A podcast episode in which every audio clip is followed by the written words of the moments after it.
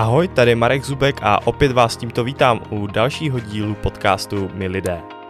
Nejdříve, jak se vrhneme na rozhovor, tak bych vám chtěl poděkovat za to, že posloucháte tento podcast a ačkoliv se teprve pomalu, ale jistě rozjíždí, je nás zde stále víc a víc, což je moc fajn a pro mě důležitá zpětná vazba. Také jsem si vědom toho, že podcast Mi lidé má v sobě velký potenciál a před sebou velmi slibnou budoucnost. Cítím v tom velký potenciál, ale to, co je ze všeho nejdůležitější, je to, že mě to moc baví a každým rozhovorem se i samotná kvalita podcastu dostává, nebojím se říct, až skokem na jinou úroveň. Stále častěji od lidí slýchávám, že podcast je super, ale dlouhý. Docela jsem nad tímto tématem týkající se délky samotného dílu neboli rozhovoru přemýšlel a dospěl jsem k závěru, že se vám na to můžu, vy víte co. Lidé bohužel se teď v posledních letech naučili žít životy způsobem, který se vyznačuje velkou, až bych řekl nadměrnou povrchností, který vede v některých případech k úpadku a úbytku se zajímat o věci více dohloubky. A vím, že 20-minutový rozhovor by určitě nestihl plnohodnotně naplnit mé představy a cíle, které mám před každým rozhovorem. Rád věci poznávám, ale 20 minut na rozhovor s člověkem, to se na mě nezlobte, ale to je prostě málo. Dneska je mým hostem děkan Fakulty sportovních studií Masarykovy univerzity v Brně, také doktor v oblasti kinantropologie Jan Cacek. Abych pro ty, co nevědí, co je kinantropologie, tak kinantropologie je věda, která zkoumá a zabývá se pohybem člověka. Honza především působí jako kondiční trenér a kondiční problematika a s tím vše spojené je jeho nejsilnější stránkou. Jako kondiční trenér trénoval řadu elitních sportovců a reprezentantů od atletiky, cyklistiky až po fotbal a podle mého přesvědčení a zkušeností patří v tomto oboru mezi nejlepší v Československu. Mimo Masarykovou univerzitu přednáší pro sportovní svazy a instituce, jako je například Český atletický svaz, Fotbalová asociace České republiky, Slovenský fotbalový svaz, Česká basketbalová federace, Český svaz biatlonu a mnoho dalšího. Jelikož mě Honza také trénoval a známe se už dlouho a tak, jak jsem začal s podcastem, jsem ho i hned zařadil do mého úzkého seznamu hostů. Společně jsme tohle sezení plánovali od února tohoto roku, ale nebyl na to vůbec čas a prostor, no až teď jsme konečně našli volný termín, který by vyhovoval nám oběma. No a nezbývá nic, než si tento příjemný rozhovor poslechnout a dozvědět se například o tom, jak správně postupovat jako začátečník, ale i jako člověk, který už je zaběhlý posilování a udržování se ve zdravé kondici. Čemu se konkrétně vyvarovat a naopak čeho se striktně držet, aby to splňoval ten správný efekt a cíl, kterého chce člověk dosáhnout. To je ode mne vše a pojďme na rozhovor. Honzo, ahoj, vítám tě a děkuji, že jsi přijal pozvání do podcastu My lidé. Ahoj Marku a jsem velmi rád, že jsi mě pozval. Děkuji. Jak vnímáš vlastně pohyb? Co pro tebe znamená pohyb? Když pohyb se řekne už, pohyb. Já bych řekl, že už od, dejme tomu, školkových let eh, je pro mě pohyb nedílnou součástí každodenního života. Nedokážu si představit, eh, že bych se eh, každý den nehýbal a nedokážu, se představit, nedokážu si představit, že bych se v určitých fázích svého života nehýbal dejme tomu, eh, tréninkově, eh, to znamená řízeně. Uh-huh, A vlastně takhle, eh, abych tím zprvu začal, tak jak si podle tebe lidé stojí jako průměrní lidé v Česku po kondiční stránce a i po z hlediska jakoby zdravotní a kondiční? Jak si myslíš, že to teďka je momentálně? Tak jak to popisují jak odborné, tak laické prameny, to znamená tak, jak se můžeš dočíst v různých tiskovinách, prostě nejsme na tom eh, moc dobře jako populace a to ať eh, už u eh, populace dětské nebo u pracujících lidí, ale to stejné platí vlastně i pro seniory. A souvisí to s nedostatkem pohybu, to, co jsi nakousal na hmm. začátku. Málo se hýbeme, příčiny bychom mohli hledat v různých aspektech eh, a, ne, nebude to věc eh, jednoho faktoru, eh, bude to prostě velmi komplexní problém, který si žádá asi nějaké systémové řešení, mm. ale to je na politicích. Mm-hmm. Já se později k tomuto tématu ještě se k tomu vrátíme, A vlastně jak, protože víš co, ono se z toho stal takový jakoby i trend z hlediska toho, že lidi to prostě, když jdou do posilovny, tak se fotijou různě a tady tyhle věci a sociální sítě a bla, bla, bla. A mně se někdy zdá, že třeba já, když jdu do posilovny, tak já vlastně nemůžu nic, jako hudba, nic, to jde jako ten mobil jde stranou, protože mě to tak nějak jako rozptiluje. A já bych se tě chtěl i zeptat vlastně, třeba já, když uh, bě, jako psychologicky teďka, jestli náhodou to tady takhle víš, uh, protože já jsem zjistil na sobě, že když běžím třeba večer v noci, a je to fakt jako běžím normálně tak, jak ve dne, jako takovou stejnou rychlostí, já nejsem zadýchaný třeba vůbec, nebo nějak ta hlava mě úplně vypne, teďka to trošku jako odbočuju, jako, ale eh, tím chci říct, že třeba když jdu do posilovny, takže to není úplně, eh, že to nevnímám tak, jak bych si představoval to posilování, že já to musím, jako pokud bych měl tam hudbu zapnutou a poslouchal bych nějakou jakoukoliv hudbu, tak eh, to nevnímám to posilování tak, jak bych si sám představoval. A v čem to tak, jako, co si myslíš, že třeba je tak psychologicky, má to nějaký vliv třeba na to posilování vůbec?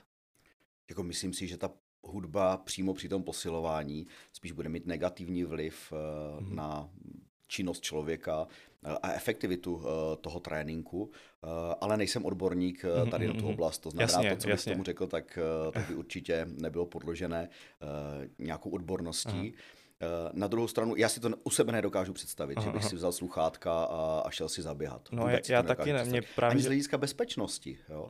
Ale, ale třeba mý synové, všichni tři sportují a na docela vysoké úrovni a, a zrovna v té posilovně, když mají eh, intervaly zotavení, pauzy, přestávky, eh, tak si velmi často berou sluchátka. Mně se to nelíbí, už jsem to několikrát komentoval, na druhou stranu oni mi říkají, tati, ale když cvičíme, tak cvičíme prostě bez sluchátek a, a v té pauze jako nás to uklidňuje, nebo jo, prostě je jim to příjemný, tak asi proč ne, ale říkám, při té samotné činnosti určitě bych to nedoporučil. Ale nejsem odborník. Jo, jo, protože vlastně. víš co, z mé zkušenosti je to tak, že třeba já fakt, když si jdu zabíhat, tak já jsem to jako párkrát zkoušel takhle, že si dám sluchátka a běžím, ale mě to jakoby z hlediska kondiční stránky jako nedá tak, jako že to nevnímám pln, plnohodnotně tak, ten běh a tím pádem eh, třeba nenatrénu to, co bych chtěl, jako jo, že mně se to takhle jako zdá hmm. a což si myslím, že hodně lidí jako to má, že má sluchátka prostě a takhle, ale v tom případě nebudeme do toho dál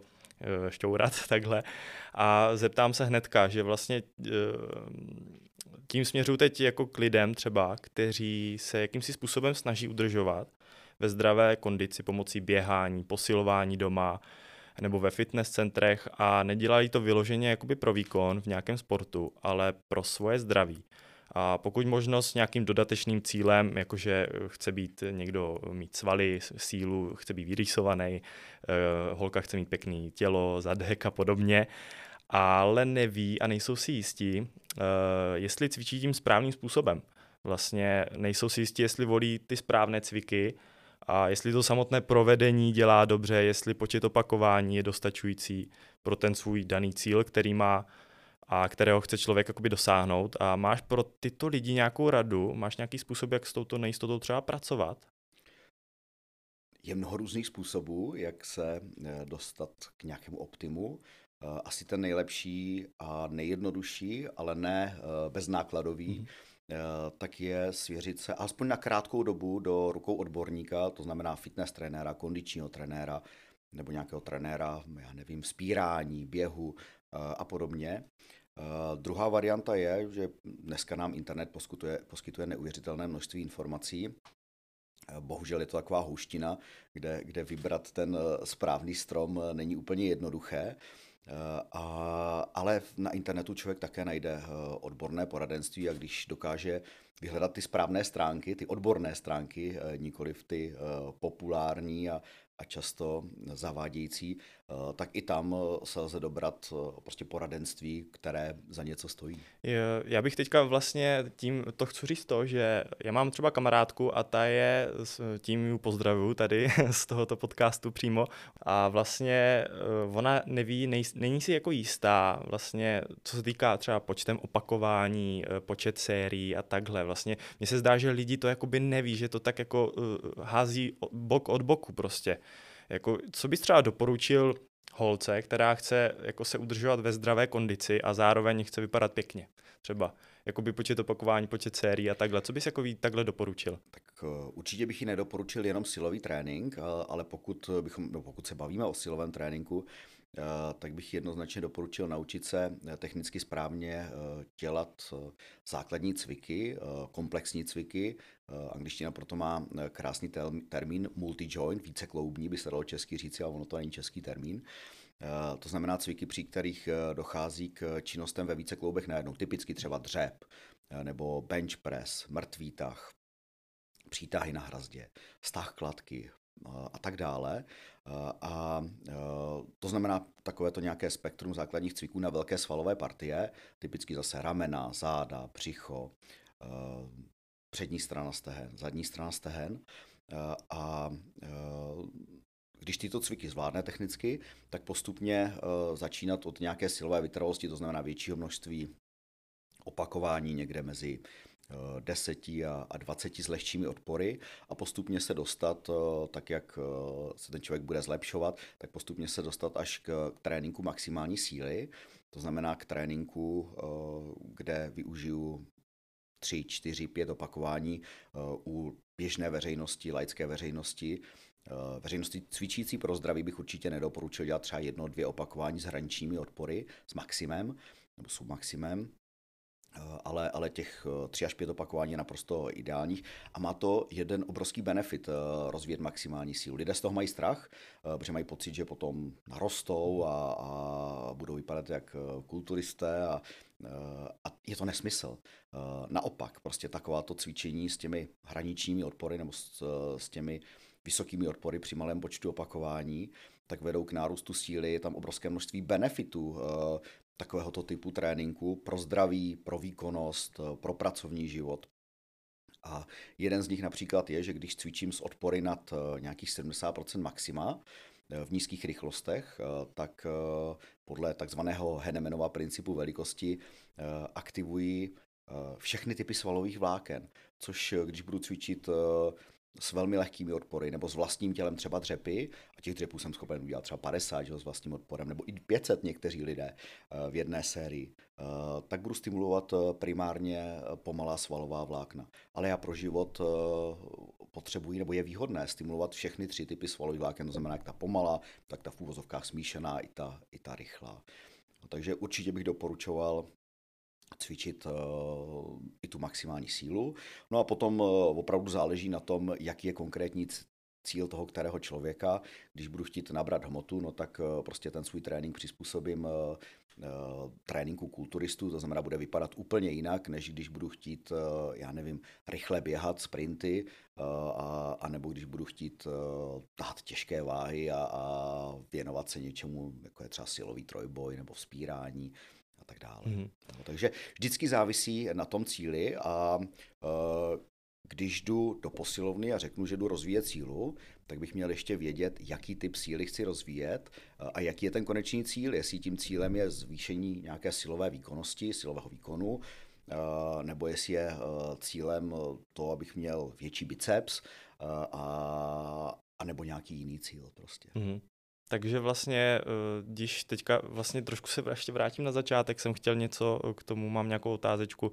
Vlastně když takhle hm, holka, která třeba ze závažím vůbec necvičila, tak eh, jak vlastně, jak bych to řekl, jak začít jenom prostě třeba úplně s těma nejnižšíma váhama a potom postupně, nebo jak, jak to vlastně navazuje celkově? Nejdřív by se měla ten eh, didaktický postup správný by měl být asi takový, že by se měl udělat eh, nějaký screening, nějaká eh, diagnostika, testování, jak na tom ten člověk z hlediska silových předpokladů je, jak na tom je z hlediska techniky provádění těch základních cviků. Pokud nikdy necvičil, tak tu techniku mít samozřejmě nebude.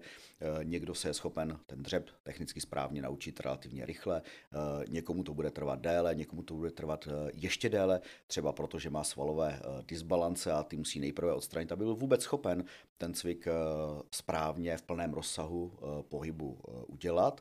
A v okamžiku, kdy zvládne techniku těch základních cviků, což třeba bude ten dřep, mrtvý tah, bench press, které se jmenoval, ty všechny velké svalové skupiny, tak potom by mohl začít cvičit těch, já nevím, 10-15 opakování a třeba co 2-3 týdny tak snižovat počet opakování a navyšovat hmotnost od toho odporu. A stejně tak platí, ale je to individuální záležitost, jo? nedá se to určitě paušalizovat. A je tam ještě jeden velmi důležitý, důležitý faktor tady při tom tréninku, Eh, aby ten trénink fungoval, tak musím odcvičit eh, dostatečný objem eh, a, musím respektovat určité zákonitosti toho tréninku. To znamená, když budu cvičit jednou za 14 dní, tak ten efekt asi bude nulový, nebo bude velmi nízký z hlediska progresu síly a, a z hlediska třeba formování těla nebo segmentu těla. A na druhou stranu, a to, to je jenom jeden z faktorů, ta frekvence tréninku. Jo. Druhým faktorem je objem tréninku v jedné tréninkové jednotce. Prostě kolik udělám sérií na danou svalovou partii, s jakým odporem, při kolika opakováních a tak dále. Třetí důležitý faktor je intervaly zotavení mezi těmi sériemi, abych byl schopen překonat stejný odpor v druhé, třetí sérii, takový ve vztahu k té první sérii, ve které jsem cvičil s nějakým odporem, tak musím mít dostatečný interval zotavení. A lidé mají pocit, že prostě když přijdu do posilovny, tak toho tam musím udělat co nejvíc. A například, když rozvíjím maximální sílu, tak bych tam měl mít intervaly zotavení mezi sériemi někde mezi třetí a, uh, třemi a pěti minutami. To znamená tři až pět minut opravdu odpočívám, než půjdu další sérii. Lidé to berou jako ztrátový čas, i řada trenérů to bere jako ztrátový čas. Ne, to je nejlépe využitý čas, uh, jak může být uh, při té činnosti, protože prostě mi umožní efektivně odcvičit ty další série. Kromě toho intervalu eh, zotavení mezi sériemi, tak je důležitý i interval zotavení mezi tréninkovými jednotkami. Jak už jsem říkal, jednou za 14 dní eh, prostě trénovat cílu je eh, velmi neefektivní. Na druhou stranu trénovat cílu jako začátečník třeba sedmkrát týdně je také naprostý nesmysl. Já musím zvolit nějakou variantu, která mi umožní tu sílu rozvinout, nebo ty pohybové dovednosti, třeba eh, nácvik eh, toho, té techniky, správné techniky toho dřepu nebo jiných cviků, eh, ale potřebuju mezi tréninkovými jednotkami také dostatečně zotavit. Takže pro začátečníky bych doporučil třeba tu sílu rozvíjet v kombinaci i s dalšími pohybovými schopnostmi, dvakrát až třikrát týdně a k tomu třeba dělat nějakou vytrvalost a protahovat se, to znamená rozvíjet flexibilitu nebo mobilitu a tak dále. Ono vlastně hodně jako lidí neví, co se týká toho intervalu zotavení, ono to je dáno i fyziologicky, to není žádný výmysl, že ano. Takže vlastně mm, to třeba, jakoby bych tak zmínil dvě minuty, že jo, eh, se vlastně navýší eh, ATCP systém, že jo, takže tím pádem máme zase, můžeme pokračovat dál ve cvičení. A to jsou takový různý jako cvičení, jako fyziologické zákonitosti, které jako lidi nevíjou a nerespektují to a si říkají, jako, že proč, jako díte úplně nesmysl, jako jo. Přesně tak, říkáš to naprosto správně. Uh, on člověk nemusí vědět, uh, proč to přesně funguje tak, jak to funguje, ale měl by mít tu informaci, že ten interval by měl být při takovém a takovém tréninku takový a takový. A teď já jsem třeba zmínil, že při rozvoji té maximální síly, což je to 1 až 5 opakování zhruba, tak by měl být 3 až 5 minut, nebo standardně se využívá 3 až 5 minut. A naopak, eh, pokud zvolím eh, třeba nějaký kulturistický trénink nebo budu rozvíjet silovou vytrvalost, tak tam, tam ty intervaly zotavení mezi sériemi mohou být výrazně kratší. Eh, například, já nevím, půl minuty, jedna minuta, do dvou minut. Jo. A, a protože tam nejde o to udržet v následujících sériích tu požadovanou intenzitu cvičení, ale jde o zase jiné principy, které vyvolají ty adaptace, ta přizpůsobení se tomu tréninkovému zatížení z hlediska třeba svalové kompozice nebo tělesné kompozice. Mm-hmm. A vlastně my už jsme něco tak jako naťukli, co se týká uh, vlastně, jak bych to řekl, jaká jsou vlastně kritéria pro to, aby to splňoval ten efekt toho, že člověk se doopravdy bude udržovat v nějaké zdravé kondici. To už jsme naťukli tu kontinuitu vlastně. Eh, musí, přesně tak, eh, musí tam být kontinuita. Eh, potom je, je velmi důležité, aby došlo v každé tréninkové jednotce k určitému přetížení. A tady to přetížení znamená, že, že to tělo zatížím takovým podnětem, který vyvolá tu adaptaci. Že to prostě trefí to optimální adaptační okno a, a k té změně opravdu dojde.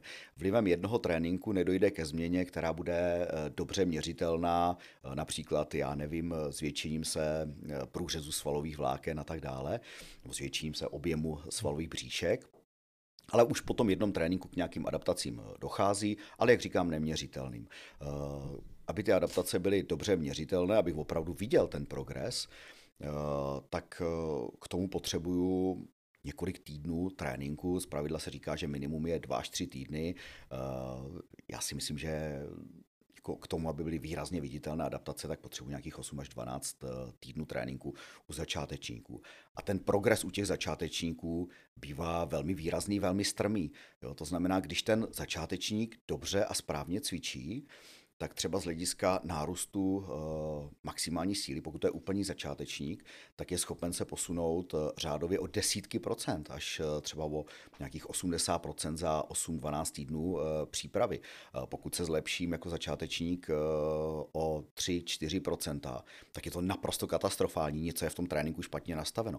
Naopak, pokud jsem vrcholový sportovec a za stejné období se zlepším o těch 3 až 5% tak je to fantastické, protože to tělo už je velmi dobře Eh, trénováno je na vysoké úrovni výkonnosti a tam každé malé zlepšení už se počítá a jestli zaběhnu 100 metrů za 10 eh, nebo 9,8 eh, sekundy, tak je obrovský rozdíl. Může to být rozdíl z hlediska umístění se na důležitých závodech. Jo? Může to být rozdíl mezi prvním a, a desátým místem.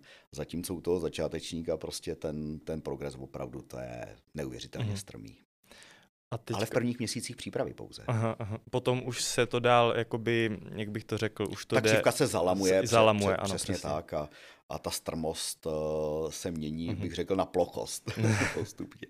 A teď jsem to řekl velmi laicky. Jo, jo, jo. Ono vlastně, eh, takže ať nejsou někteří překvapení z toho, když fakt správně cvičí, že ty první týdny a měsíce, že jsou úplně eh, jako wow, že co to jako se mnou je, ale potom vlastně po, nějakých, po nějaké určité době cvičení už se to zase, jak říkáš, se to zalamuje ta křivka a už to není tak výrazný, ale vždycky tam nějaký ten pokrok je.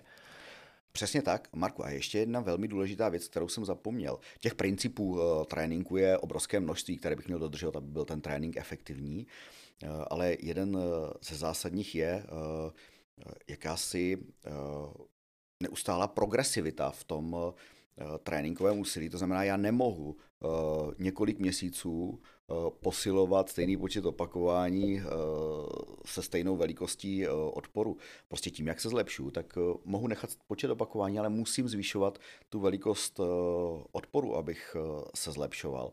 A na toto lidé zapomínají. To já vždycky, a teď se omlouvám, šílim, když přijdu do fitka, teď tam vidím krásné mladé dámy, anebo i starší dámy, anebo i pány, ať jsem genderově vyvážený, jak, jak cvičí s těmi růžovými anebo pánové černými čínkami, které váží jeden kilogram a, a dělají tam ty zbytečné bicepsové zdvihy a tricepsové uh, kickbacky a já nevím co. Uh, a, a mají pocit, že pro své tělo dělají to nejlepší. Vůbec ne. No. Prostě ne, ne, tito lidé eh, neakceptují, protože neznají ty základní principy eh, tréninku a, a ono se to samozřejmě do té efektivity promítá. A proto říkám, je dobré, a opakuji to už po druhé, je dobré eh, aspoň na začátku oslovit nějakého odborníka, ne pseudoodborníka, ale opravdu odborníka, nejlépe vzdělaného, aby poradil v tom tréninkovém plánování a, a, a v tom, jak vlastně cvičit, abych naplnil ten svůj cíl, eh, kterého chci v tom tréninku dosáhnout. A teďka vlastně koho by jako měli kontaktovat jako přímo vzdělaného, protože vím, že tady je hodně jako v republice uh, trenérů, jako vy v úvozovkách trenérů kondičních, kteří mají třeba jenom nějaký takový jako certifikát, jenom ne úplně jako vzděláním. I trenéři, kteří mají pouhý certifikát, eh, protože absolvovali nějaký rekvalifikační nebo vzdělávací kurz, Eh, kterým umožňuje provozovat živnost, ať už fitness nebo kondičního trenéra, tak eh, i tito, i tito trenéři mohou být velmi dobrými trenéry eh, a, a často jsou a často mohou být, lep, nebo často, mohou být i lepšími trenéry než třeba vysokoškolský vzdělení jedinci. Takže není to pravidlo. A není to pravidlo, ale pokud má člověk vystudovanou vysokou školu, například naší fakultu, hmm.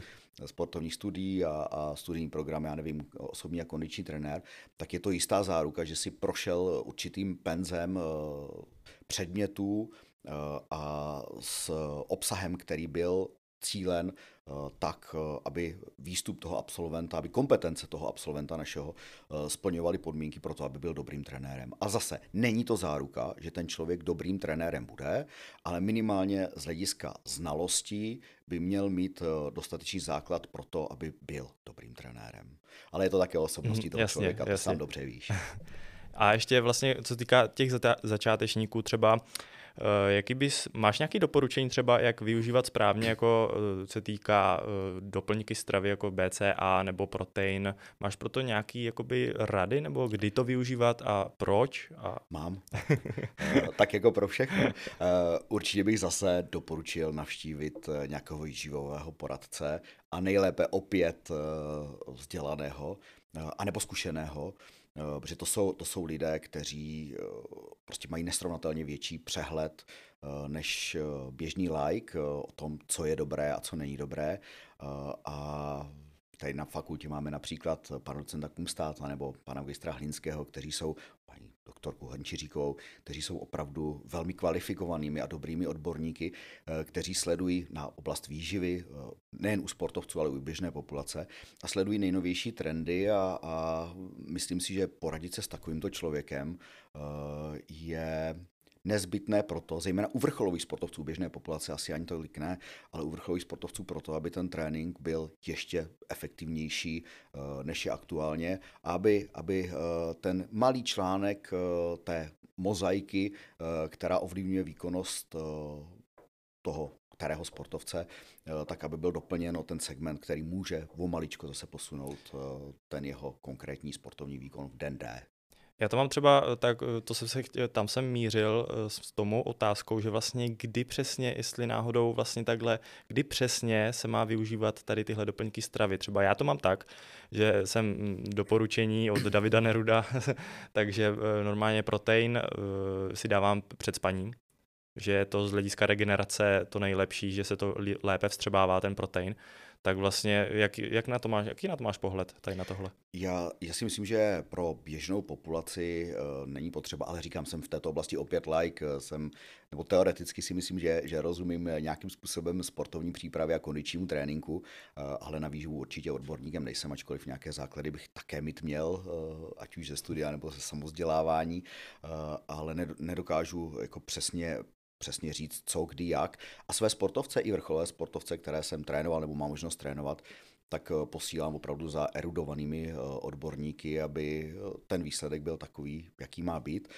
A myslím si, že pro běžnou populaci, která trénuje párkrát týdně, nebo hýbe se, to nemusí být ani řízeně se třeba hýbe, to nemusí být ani nazýváno tréninkem, tak určitě je zbytečné, eh, pokud správně zdravě jí, tak nějaké doplňky eh, stravy přijímat. Eh, a na druhou stranu u vrcholových sportovců si nedokážu představit ten tréninkový proces, nebo minimálně některé jeho části, kdy jsou velmi výrazně zatěžováni, tak bez toho, aby přijímali nějaké doplňky stravy, které zase zefektivní třeba tu regeneraci, jo, nebo zefektivní ten, ty adaptační procesy.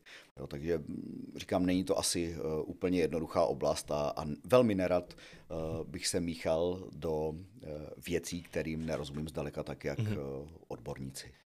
Teďka vlastně s jakými konkrétně problémy se podle tebe lidé nejčastěji potýkají v rámci somatiky nebo biomechaniky toho pohybu, třeba při posilování? Jaké jsou třeba pro, te, pro tebe jako podle tebe limitující faktory? Stoprocentně špatné držení, špatné držení těla a svalové disbalance. Eh, prakticky každý člověk má eh, nějakou svalovou disbalanci nebo nějaké svalové disbalance. Nejčastěji se setkáváme s eh, takovými disbalancemi, jako jsou horní nebo dolní skřížený syndrom, to znamená, některé svaly jsou zkrácené, některé jsou naopak ochablé, většinou antagonistické skupiny k těm zkráceným a vede to k tomu, že ten člověk potom není schopen mechanicky správně vykonat i jednoduché pohybové vzory, jako je třeba chůze. Ne, nedej, bože, nedej bože běh. A, a v okamžiku, kdy mechanicky správně neprovádím základní pohyby, tak místo aby docházelo k eh, nějakým zdravotním benefitům vlivem toho pohybu, tak eh, můj pohybový aparát může trpět a já si naopak eh, mohu uškodit. Jo. Typicky, typicky vidíme třeba příběhu laické populace, ale i u některých vrcholových sportovců. Špatné držení těla, které prostě jim zkracuje životnost eh, těch pohybových segmentů, typicky kloubů a je to naprosto zbytečné, kdyby si nechali prostě zase někým poradit, mm. odstranili ty disbalance, naučili se správné pohybové vzory nebo korigovali ty špatně zafixované. A velmi dobře o tom to hovoří pan profesor Kolář, jo, to je opravdu odborník par excellence, eh, tak eh, kdyby, kdyby prostě se hýbali správně, tak eh, pro to svoje tělo udělají nesrovnatelně lépe, než když ho budou každý den prostě v posilovnách nebo na běžeckých ovalech nebo někde v lese uh, přetěžovat uh, mechanicky špatně. Mm-hmm. To mě vlastně připomíná to, že, nebo teďka jsem ned, četl tvůj článek uh, na internetovém serveru, teďka nevím, i dnes nebo tak, a ty si tam psal, jak to bylo, že běh je tristní podle tebe, styl běhu a jakým způsobem Eh, ten styl běhu, že je úplně jako katastrofální, že, že to jako u fotbalistů, kteří jako by měli běhat a běhají pořád, že jo, tak eh, tam z- zmínil, že jenom pět hráčů, dva hráči byli na tom fakt jako dobře běžecky. Jo, uh... S tím se dá víceméně uh, souhlasit, ale i polemizovat. Tady s tím názorem vždycky noviny chcou uh, jo, jo, jo. zaujmout čtenáře, to znamená, titulky jsou, jsou takové. Eh, aby to zaujalo. A i ten obsah rozhovoru velmi často eh, bývá zkrácen do nějaké podoby, aby zaujala. Eh, ale, ale opravdu to je tak, že, že v takových sportech, jako je fotbal, basketbal, celé řadě dalších, tak i na vrcholové úrovni prostě najdeme velmi malé spektrum sportovců, kteří ty základní pohybové vzorce provádí technicky správně. Eh, a je to proto, že se to většinou v mládí eh, naučili dělat ne úplně dobře, ne úplně korektně. Ten důvod je jednoznačný. Prostě trenér fotbalu primárně rozumí fotbalovým věcem, to znamená nácviku technických dovedností a taktice a já nevím čemu všemu. A nemá za prvé kompetence k tomu naučit třeba eh, technicky správně ty své svěřence běhat. Eh, často ani neví, jak eh, ta správná technika běhu má vypadat. A za druhé nemá na to prostor, aby prostě, nebo na, nemá tolik prostoru, kolik by potřeboval, aby se tiho sportovci naučili správně technicky běhat. A ono to potom logicky prostě ty fotbalisty v určité fázi kariéry negativně doběhne. Zaprvé to ovlivňuje to, že špatně běhají výkonnost, jo, příklad, když kotník, koleno, kyčel není v jedné, v jedné ose, tak dochází k zbytečným ztrátám energie při každém odrazu. Ztráta energie rovná se neefektivní pohyb. Jo. Mohl bych být rychlejší, mohl bych déle vydržet, kdybych tu techniku měl optimální. A zase přeučovat pohybové vzory, které jsem se v mládí špatně naučil, je vždycky výrazně složitější, než se učit novému pohybovému vzoru. Bohužel se většině těch vzorů, které třeba ve fotbale jsou využívány, učíme už v tom mladším věku prostě jako děti. Jelikož tam je nějaké to senzitivní období, kdy se to rozvíjí nejlépe, že jo, to nějakých kolem 7. 12. roku? Zlatý věk motoriky, to znamená učení se, zlatý věk pro učení se pohybovým dovednostem. Pohybovou dovedností může být běh, může to být dřep, může to být skok, může to být cokoliv, klička fotbalová. Eh, tak eh, se uvádí, že někdy mezi 8. až 12. rokem života, ale ty základní pohybové vzory, jako třeba běh, se neučíme až takto pozdě, že jo? to se učím už eh, ve věku, respektive začínám běhat ve věku výrazně dřívějším. Teďka mě napadá, co se týká stylu běhu třeba, tak jako z fotbalistů teda, eh, Cristiano Ronaldo určitě. Co podle tebe si myslíš, že ten jeho běh je správný, když ho, když ho tak vidíš? Eh, v porovnání s většinou jiných fotbalistů, tak Cristiano Ronaldo opravdu běhá relativně dobře, nebo řekl bych velmi dobře na fotbalistu. Technicky velmi dobře a je i dobře, velmi dobře silově a rychlostně připraven. Já jsem měl možnost probírat se některými jeho tréninky, respektive byl jsem na přednášce člověka, který byl přítomen tréninkové přípravě v době, kdy Ronaldo hrál v Realu Madrid, tak toho Realu Madrid. A naprosto mě šokovalo, co Cristiano Ronaldo dělá navíc oproti ostatním, oproti ostatním hráčům. Příklad, Real Madrid měl každý den eh, jednu až dvě tréninkové jednotky v tom přípravném období a Cristiano Ronaldo eh, ještě navíc se svým kondičním trenérem měl asi pět tréninkových jednotek týdně, z čehož eh, čtyři byly zaměřeny na růz, rozvoj různých typů síly, ať už to byla explozivní síla nebo maximální síla, nebo to byl jenom trénink, kde se snažili spevnit uh, hluboký stabilizační systém. Jo, ale prostě dělal, dělal výrazně uh, mnoho věcí navíc eh, oproti ostatním a myslím si, že v tomto je obrovská Ronaldova síla, síla některých dalších sportovců, že ačkoliv třeba neměli úplně top talent, což není příklad Ronalda, tak díky té své píli a díky tomu, že uh, prostě obětovali obrovské množství času, systematicky, ale to je velmi důležité zdůraznit, uh, tak uh, se dostali na velmi vysokou úroveň výkonnosti. Měl jsem možnost takto trénovat několik našich fotbalových reprezentantů, nejen z Brna, jako kondiční trenér připravovat. A od nějakého dětského věku nebo mládežnického věku. A musím říct, že většina z nich byli průměrně, naprosto průměrně talentovaní jedinci.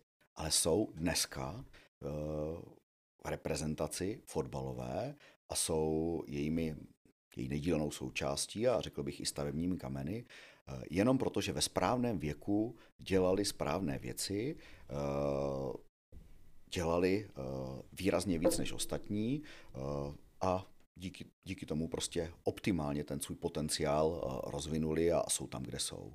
Hmm. A teď já jsem řekl, že měli průměrný talent. Oni ho měli mírně nadprůměrný, ale určitě, nebo nadprůměrný. Eh, ale určitě bychom v populaci i mezi fotbalisty našli jedince, kteří byli daleko talentovanější. Mm-hmm. Ale nedotáhli to zdaleka tam, kam tady ti, kteří to je příklad, věnovali hodně času. To je příklad Lukáše Masopusta třeba například, že?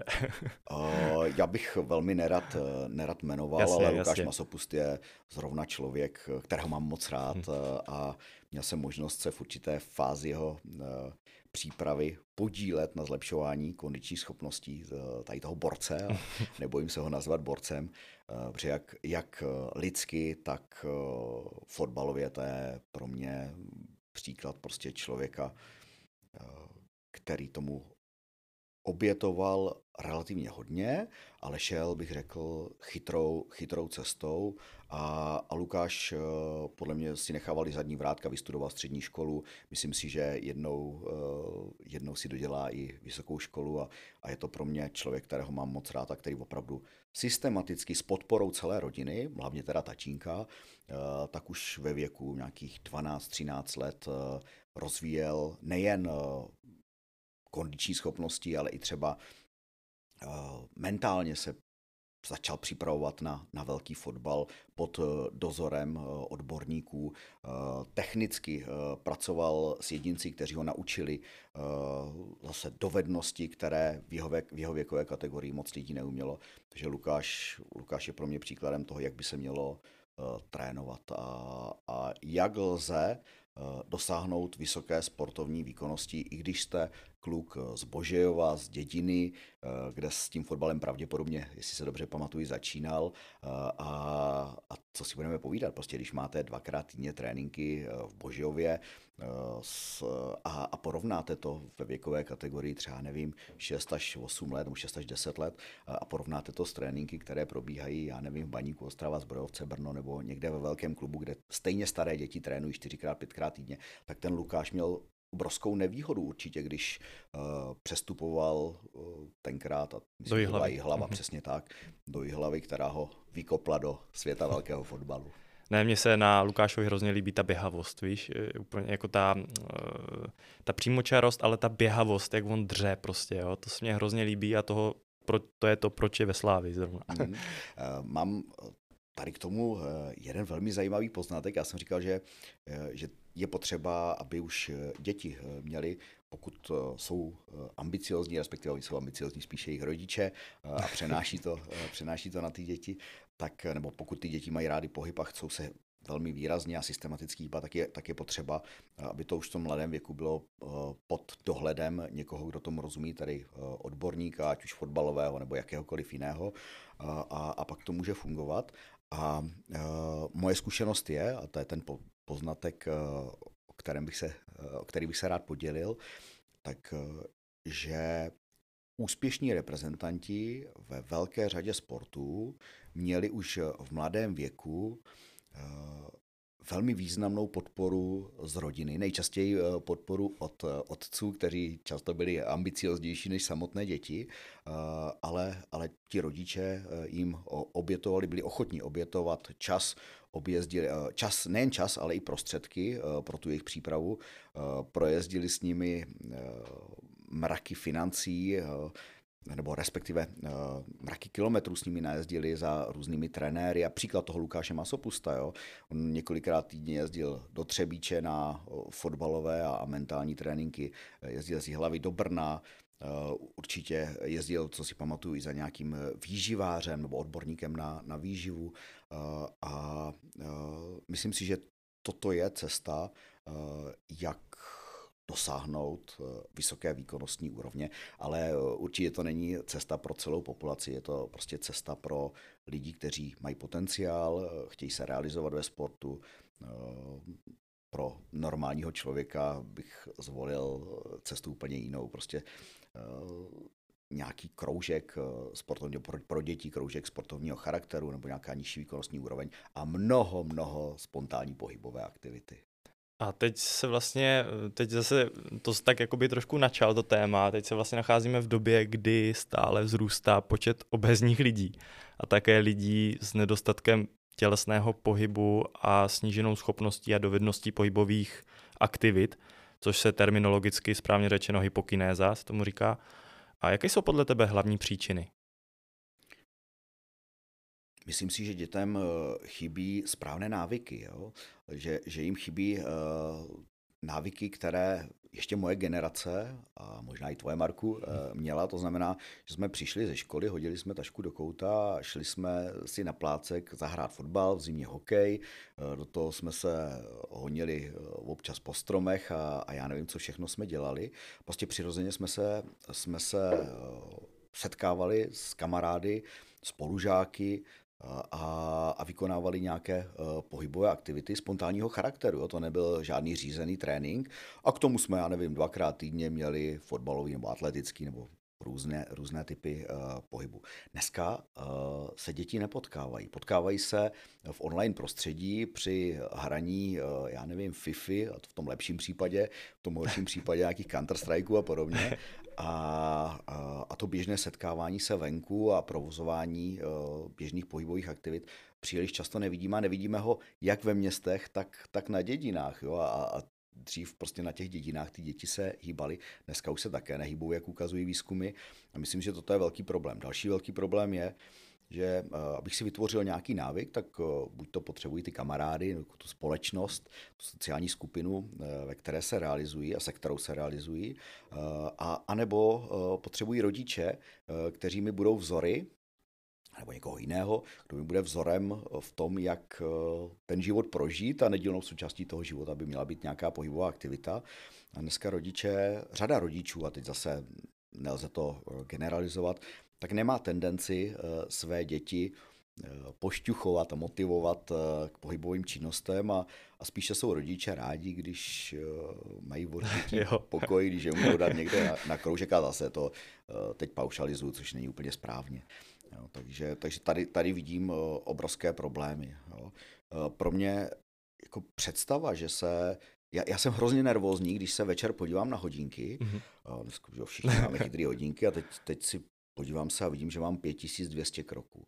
A tak tě zamrazí. Zamrazí mě a hned si beru boty a, a utí, utíkám, obíhám barák eh, a, a nebo dělám eh, pohyby eh, zápěstí, které, které, které mi ty kroky uměle naženou. Ne, tak to určitě není, ale, ale nedělá mi to dobře, když prostě večer vidím, že mám malé množství kroků, vím, že jsem celý den strávil v práci u počítače nebo někde v mhm, přednáškové mm-hmm. místnosti a že jsem se nedostatečně, nedostatečně hýbal mám eh, vnitřně nastaveno, že bych prostě denně měl těch minimálně 7,5 tisíce kroků udělat. Mm-hmm. A když jich udělám 40 tisíc za den, eh, což třeba teď o prázdninách je možný, protože prostě chodíme na tury s rodinou a s, s kluky, chodíme s manželkou, nebo jezdíme na kolech, tak, eh, tak jsem prostě večer šťastný. Jo? Jsem sice znavený, uh, ale, ale máš takový dobrý pocit vnitřně, prostě. Přesně tak, mám výborný pocit a, a, a dělá mi to hrozně dobře. Jo?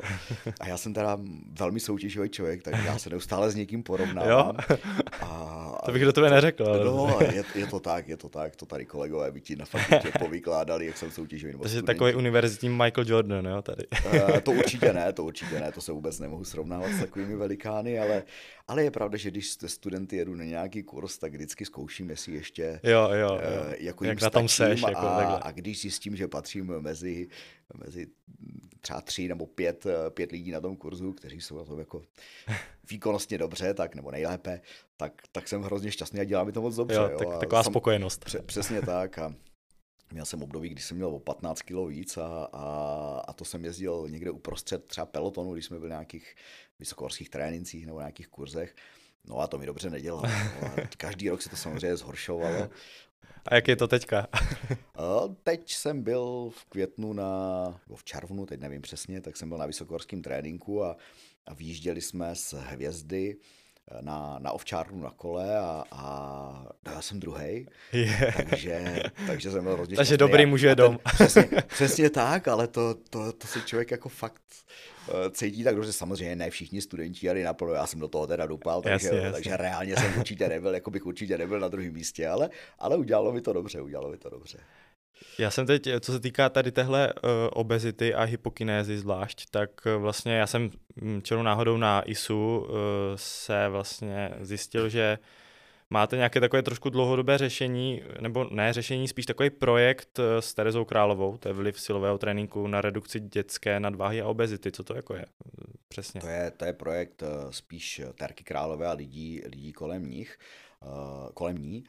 A e, je to projekt, kdy sem na fakultu dochází nebo docházela skupina dětí. On to trošku přibrzdil covid, a pak se to zase rozjelo a teď nevím, jak to bude v novém semestru nebo v novém akademickém roce, ale kdy nám sem docházeli rodiče s obezními dětmi a skupina trenérů nebo akademických pracovníků a studentů, tak dohlížela na pravidelné cvičení, myslím, že to bylo dvakrát týdně, silové cvičení těch dětí a ku podivu e, to ty děti bavilo a chodila jsem i jedna moje kamarádka se svým synem a byla překvapena, že prostě její Eh, dítě, které nemělo úplně dobrý pozitivní vztah eh, k pohybovým činnostem, eh, tak našlo jakési zalíbení tady v tom silovém cvičení. Bavilo ho to, bavilo ho ta skupina, to setkávání se, bavilo ho i to samotné cvičení a bylo potom zklamané, když v době covidu prostě nebyla příležitost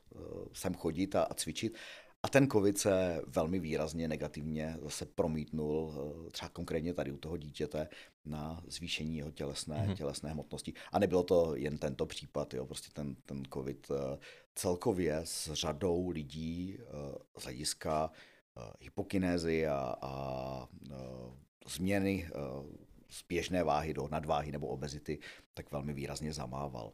Na druhou stranu se ukázalo, že některé skupiny populace a nedokážu říct, eh, které, nedokážu prostě popsat, eh, koho konkrétně se to týkalo, eh, tak motivoval k pravidelné pohybové činnosti. A já se přiznám, že v době covidu jsem vlastně taky zhubnul těch 15, v, tom, v té první fázi jsem zhubnul asi, já nevím, 10 nebo 15 kg. Teď jsem vlastně něco malinko přibral, ale, ale prostě zhubnul jsem 15 kg, protože jsem se pravidelně hýbal. Přednášky jsem realizoval z domu v online formě. Měl jsem nesrovnatelně více času, než mám teď. Mm-hmm. A, a tak jsem se každý den opravdu hlídal, hýbal, hlídal jsem si stravu a ta váha šla krásně dolů. Mm-hmm. Tak co jiného má člověk dělat, když je zavřený a je karanténa, viď? tak eh, vlastně co má jiného dělat, než jít do přírody, do lesa no, někam? Tohle to, tohle to bylo šílený, že vlastně se museli všude nosit roušky no. a, a člověk měl jaksi i strach, eh, třeba jo, eh, pozice děkana je veřejná osoba, to znamená, si nemůžu dovolit nebo nemohu si dovolit nedodržovat předpisy. A, a v okamžiku, kdy jsem měl zůstávat na svém pozemku a nebo chodit běhat s rouškou, tak to pro mě bylo šílený. Ale zvládal jsem to, běhal jsem po zahradě, mám krásnou dlouhou zahradu eh, kopcovitou, takže jsem tam běhal různé intervalové tréninky se, se sinátory. A, a, a nebo jsem chodil opravdu s rouškou nebo s takovým tím tunílkem eh, běhat do lesa.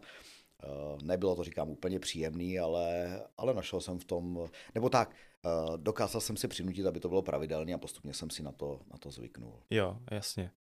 A vlastně teďka, co týká třeba těch dětí, tak eh, děti a posilování se závažím.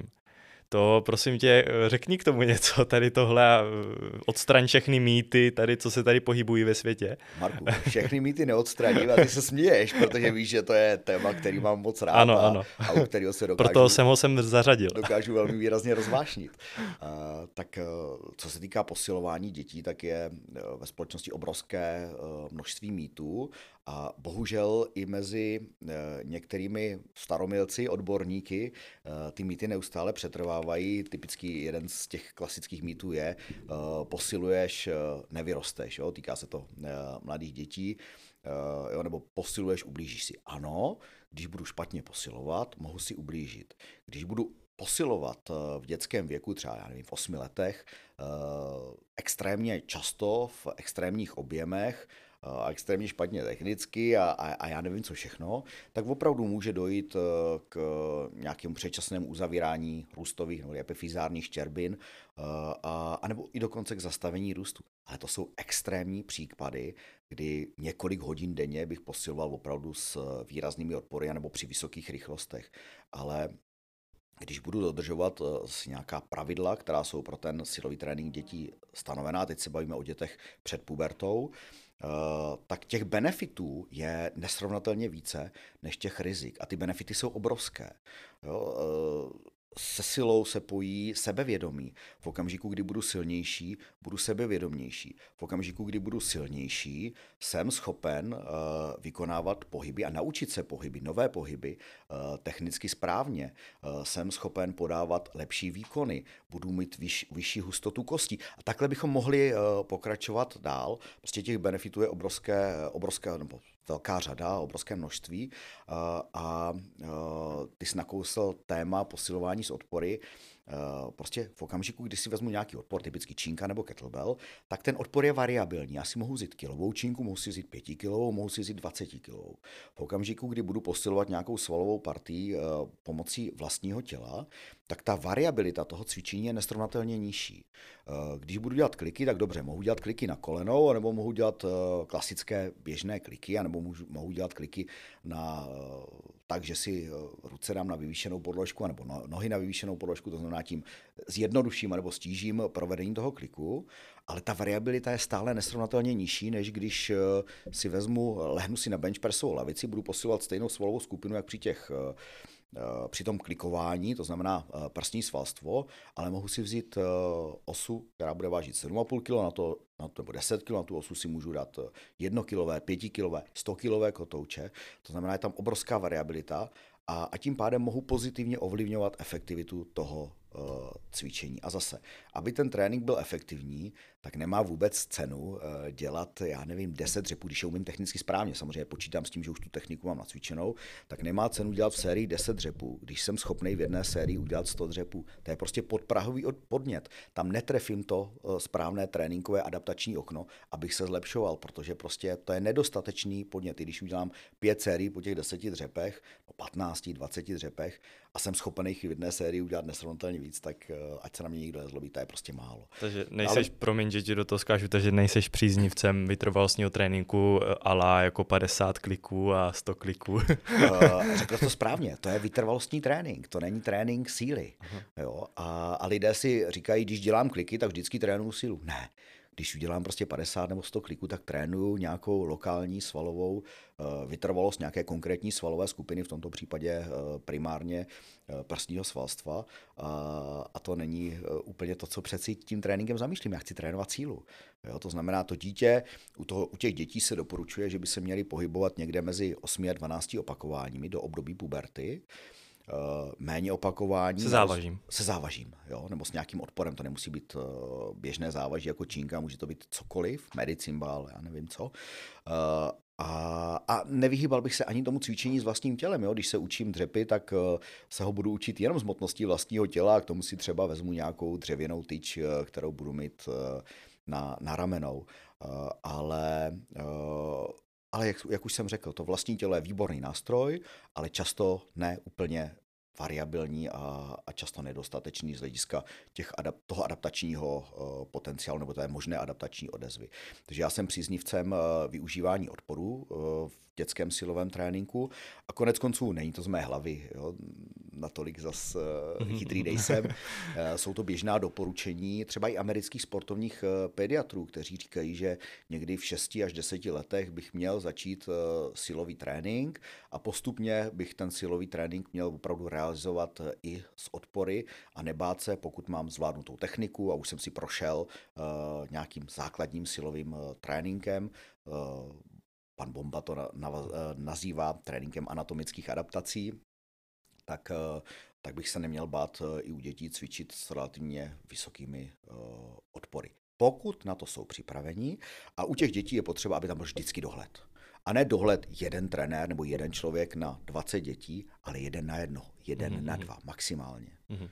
No, a musím těm dětem dávat do pomoc, musím sledovat, jestli nejsou unavené, protože ta, třeba ta pozornost u dětí je nesrovnatelně na nižší úrovni, eh, nebo neudrží tak dlouho pozornost, eh, jak dospělý jedinec.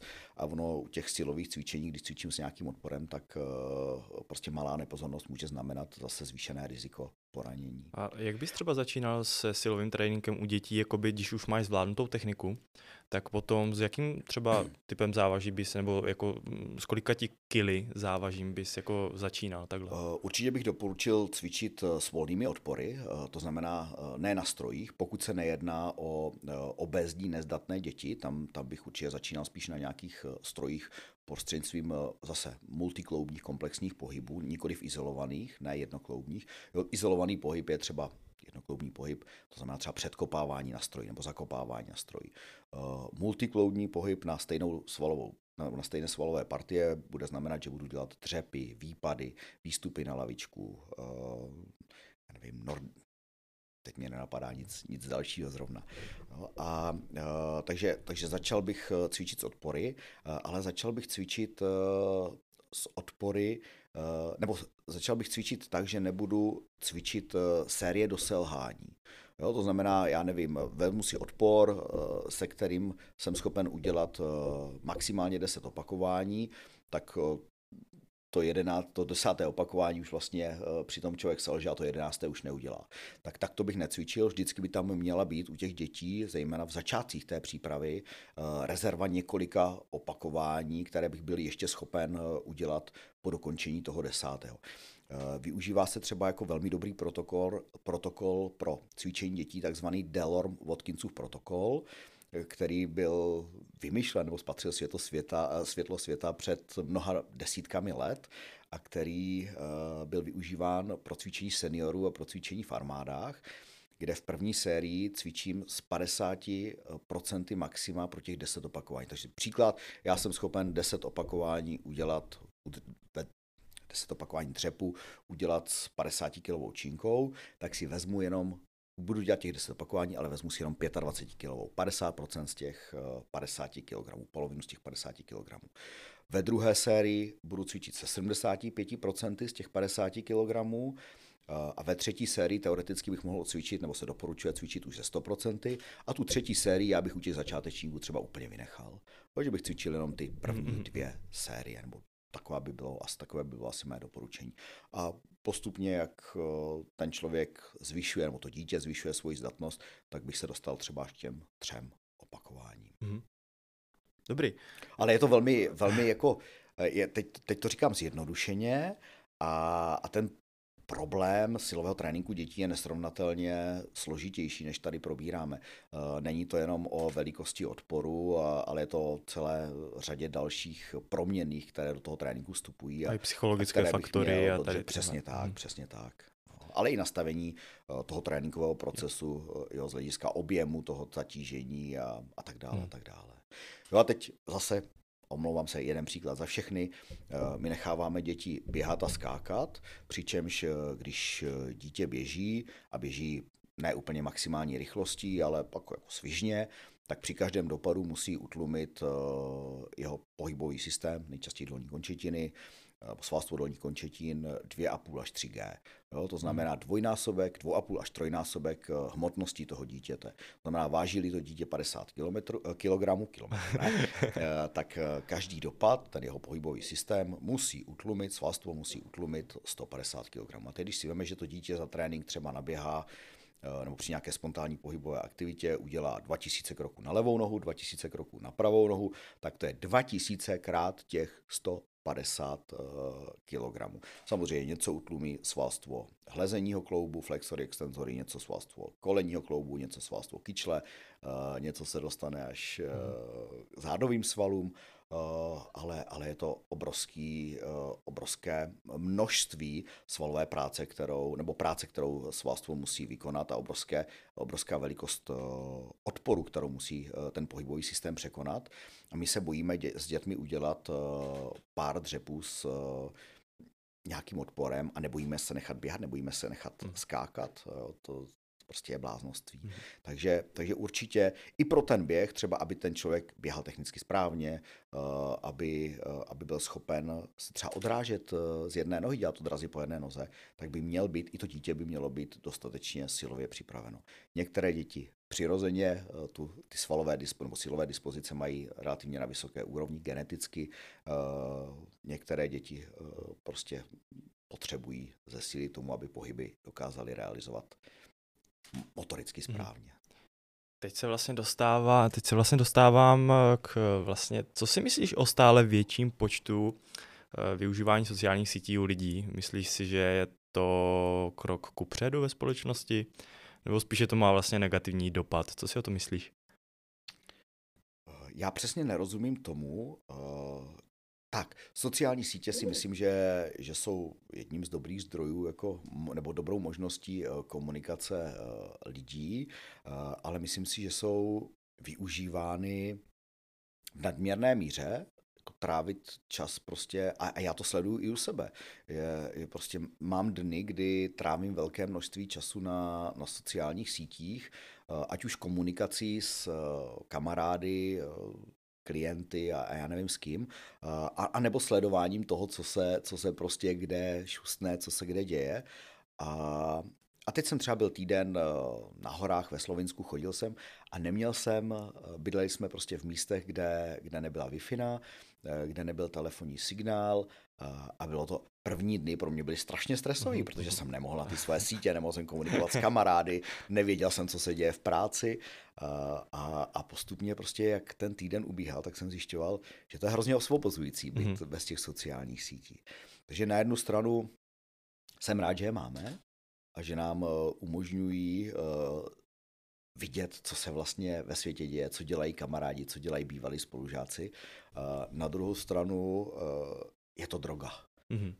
Je to, je to, nebo tak vylučuje je... se u toho dopamin, takže jsme závislí spíš na dopaminu, když to tak řeknu, tady z tohohle hlediska. Tak, tak, tak a, a já jako pro mě třeba je úplně šílené, eh, jakým způsobem jsou nastaveny algoritmy eh, třeba na Facebooku. Jo, to je šílený. No. Kdy, kdy člověku se objevují příspěvky eh, dvojího charakteru, jednak ty, které prostě chce vidět, jo, to znamená uh, oblasti, uh, ve kterých se profiluje a na druhou stranu přesný opak, extrém, jo, aby to prostě v něm vyvolalo uh, emoce a nějakou odezvu a měl tendence, tendence na to reagovat a odepisovat, jo, takže uh, já nevím, nemám rád některé extremistické politické názory a, a politické strany v České republice a neustále na mě na Facebooku uh, tyto politické uh, mm-hmm. subjekty blikají a, a informují mě o tom, co, o tom, co zase jejich představitelé, kde, kde jako národu moudrého sdělili. A, a já jsem, dřív jsem se občas, občas prostě mm-hmm. neudržel a reagoval jsem na to. A, a samozřejmě ten Facebook to velmi dobře jako přečte a, a, zásobí mě potom jasně, tady jasně. těmi Eh, informacemi, které ani v podstatě nechci, aby se ke mně dostávaly. Hmm. Na druhou stranu jsem rád, že vím, co se v tom extremistickém uh, světě napravo nebo nalevo děje. To, to, ale už ono, to Člověk musí mít nějaký to kritické myšlení a to není, protože, jak říkáš, ono jsou nastavený určitý algoritmy, které ti vlastně uh, zprostředkovávají tvoje jakoby subjektivní názory, které podporuješ a ono ti to ještě přidává k tomu. Takže vlastně ty vlastně si říkáš, jo, vlastně to je pravda, já jsem, já jsem měl vlastně pravdu, jo, protože uh, to by to dochází na internetu, všude reklamy, všechno, to, o co se ty zajímáš, tak to ti tam dává furt pořád, pořád, aby ti to zaujalo tvou pozornost, jo, takže ono musí mít i člověk nějaký trošku racionální takhle kritický, hlavně kritický myšlení, jo. Bez toho to jako nejde a vlastně se dostávám k tomu, mají vlastně sociální sítě vliv na pohyb, jako takhle celkově, když to tak mají, my jsme se bavili o tady těchto problémech jako obezita a tak a myslíš si, že tady je tohle jeden z faktorů taky? Uh, Marku, to je spíš otázka pro sociologa. Uh, laicky si myslím, že ano. Aha. Myslím si, že dvojího charakteru. Uh, jednak mohou mít uh, motivační potenciál. Uh, prostě když vidím, jak uh, mé vzory, eh, světové hvězdy a já nevím kdo, prostě jak se hýbou a jak vypadají, tak mě to může pozitivně také motivovat k tomu, abych se hýbal. Eh, na druhou stranu si myslím, že mají eh, minimálně jeden zase negativní potenciál, prostě tím, že trávím velké množství času denně, a to se může týkat i třeba řádu hodin, si myslím, u některých jednotlivců na sociálních sítích, tak mi to bere čas, který bych mohl věnovat něčemu účelnějšímu. A tím hmm. účelnějším myslím třeba pohybu. Hmm. A taky teďka zase obracím trošku už na jinou stránku teďka a vlastně směřuju spíš takhle. Uh, jak bys zhodnotil vzdělanost lidí, kteří se pohybují v týmových sportech týkající se kondičního tréninku nebo kondiční problematiky? Takhle. Já bych rád nakousnul jakoby týmový sporty versus individuální sporty. Aha.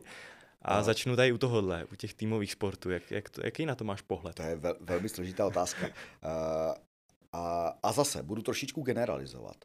Uh, myslím si, že ta situace v těch týmových sportech se zlepšuje a zlepšuje se proto, že celá řada týmů uh, začala využívat kondiční trenéry a mnohdy velmi dobré a erudované a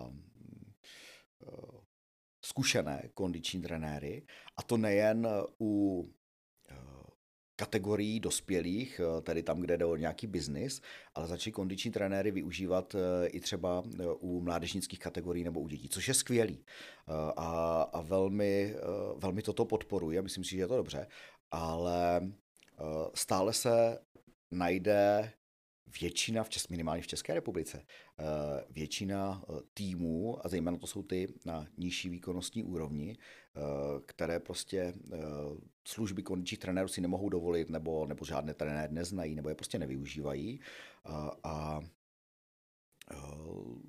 tady v těch týmech ti trenéři, běžní trenéři fotbalu, házené, já nevím čeho, plní roli i toho kondičního trenéra a prostě chybí jim k tomu často kompetence a dělají to na pas blind takzvaně, ad hoc a, a velmi často spíš mohou těm svěřencům uškodit, než že, by jim, že by jim pomohli. Takže, jak jsem řekl, už ta situace si myslím, že se zlepšuje, ale určitě není optimální. Mm-hmm. A v porovnání s individuálními sporty, já jsem měl možnost jako mladý sportovec se pohybovat ve fotbale, tam jsem jako nebyl, nehrál jsem první ligu, ale hrál jsem poměrně vysoké soutěže a, a na druhou stranu jsem dělal atletiku, běhal jsem. Mm-hmm. Když porovnám to prostředí eh, z hlediska trenérských eh, kompetencí a znalostí, eh, tak musím říct, že ti atletičtí trenéři byli v průměru nesrovnatelně erudovanější a vzdělanější. Ale to se bavím o situaci před 25-30 lety. Dneska to může být jinak. A, a na druhou stranu je potřeba si uvědomit, že prostě trénovat fotbal je nesrovnatelně náročnější z hlediska komplexnosti toho výkonu, z hlediska těch faktorů, které do toho výkonu promlouvají, výkonu týmu, výkonu hráče, než trénovat, já nevím, běh na 100 metrů.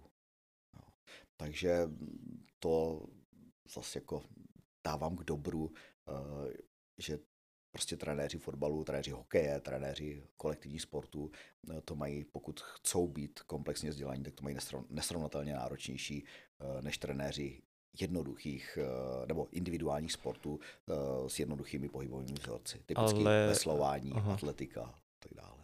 Já si myslím ale, že teďka v dnešní době už je to ani moc nemůže omlouvat zase na druhou stranu, protože máme hodně informací, Samozřejmě ne, nebudu si číst nějaký uh, laický jako články takový, ale vyhledávám nějaký uh, odborný literatury a takhle, ale jako pokud to už záleží jako na té kompetentnosti. Jo. Člověk musí být kompetentní vůči tomu, co, jako, jakou pozici zastává, jakou funkci, jakou má práci. Přece musí vědět, že eh, fotbalista naběhá hrozně jako 11 km v průměru za zápas, tak musí samozřejmě se zabývat i tohle problematikou a musí respektovat jakoby, ty kondiční trenéry. To si myslím, že třeba tady hodně chybí a ta vzdělanost tady zase taková není. Jako, to je můj názor takový, že aj, je to u prvních lig, je to aj takhle, jako, že nemají moc o tom jako přehled trenéři, si myslím. No. No, jako pro, mě, pro mě, když jsem nastoupil k jednomu prvoligovému týmu uh, fotbalovému, nejmenovanému, nejmenovanému uh, tak uh, pro mě byl šok, uh, jak to prostředí, a teď nemyslím v tom týmu, to se týkalo celého fotbalového prostředí, eh, tak jak to prostředí je v některých aspektech té kondiční přípravy zaostalé. Řeknu jeden příklad hned. První trénink, který jsme měli, tak eh, natáčela Eh, natáčela Česká televize, respektive byli tam zástupci České televize, protože to byl první trénink vlastně v přípravném období a natáčeli ten trénink a teď já jsem s hráči měl udělat nějakou kondiční přípravu. jsme se klasicky rozklusali eh, a začali jsme dělat dynamický stretching. A teď hráči se na mě dívali a to je, nevím, 16-17 let zpátky. Teď hráči se na mě jako dívali, jako jestli jsem se nezbláznil, že Až tak? to se přeci nedělá. Teď přišel kapitán, ten eh, reporter z televize, nebo kameraman, byl jeho kamarád a teď ten kapitán toho týmu přišel a hodil, hodil přes tu kameru ručník, pamatuju si to jak dneska. Eh, a říká, tady ty šaškárny točit nebudem. Jo? A ten kapitán byl stejně starý tenkrát jak já. Jo? Eh, jsme dneska kamarádi, výborní a, a, a ten pak za mnou přišel a říká, hele, tohle nemůžeme dělat, to, to, když uvidí v televizi, to se prostě u nás nedělá, jo, to, to prostě musíme dělat statický strečník. A já říkám, hele, tak podívej se, eh, podívej se prostě na YouTube, eh, když mi nevěříš, že toto by mělo prostě se realizovat. V té době jsem eh, psal nějaké článečky k, právě k rozdílu statický dynamický stretching před tréninkem, před výkonem. Tak říkám, podívej se na, na YouTube, co dělá před tréninkem Real Madrid, Barcelona. Najdeš to tam. Druhý den přišel a, a, a říká, no, měl pravdu, oni fakt dělají to, co jako jsem včera dělal. No ale na to tady v Čechách nejsme zvyklí, to tady dělat nemůžeme, jako to bychom byli zablázni. Jo. Samozřejmě, jak šel čas, tak eh, a v té době to třeba dělali eh, ten dynamický stretching dva, tři týmy eh, v Lize. Jo. Jak šel čas, tak samozřejmě jako, ty informace šířili dál. Já jsem měl výhodu, že jsem už v té době pracoval na vysoké škole, ty informace jsem měl eh, a snažil jsem se eh, vždycky nové informace aplikovat do toho procesu, ale, ale nebylo to úplně jednoduchý. Zase další příklad, eh, když fotbalisti trénovali rychlost, tak byli zvyklí, běžím 20 metrový úsek, poklusem se vrátím zpátky a, a běžím hned další úsek.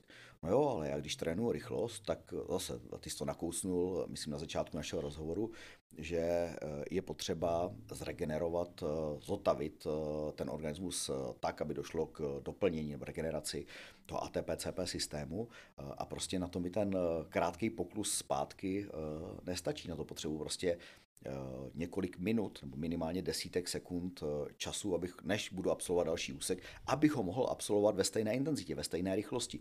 Jinak mi ta rychlost, když se budu poklusem vracet po každém úseku, tak postupně bude klesat a já nebudu trénovat eh, efektivně.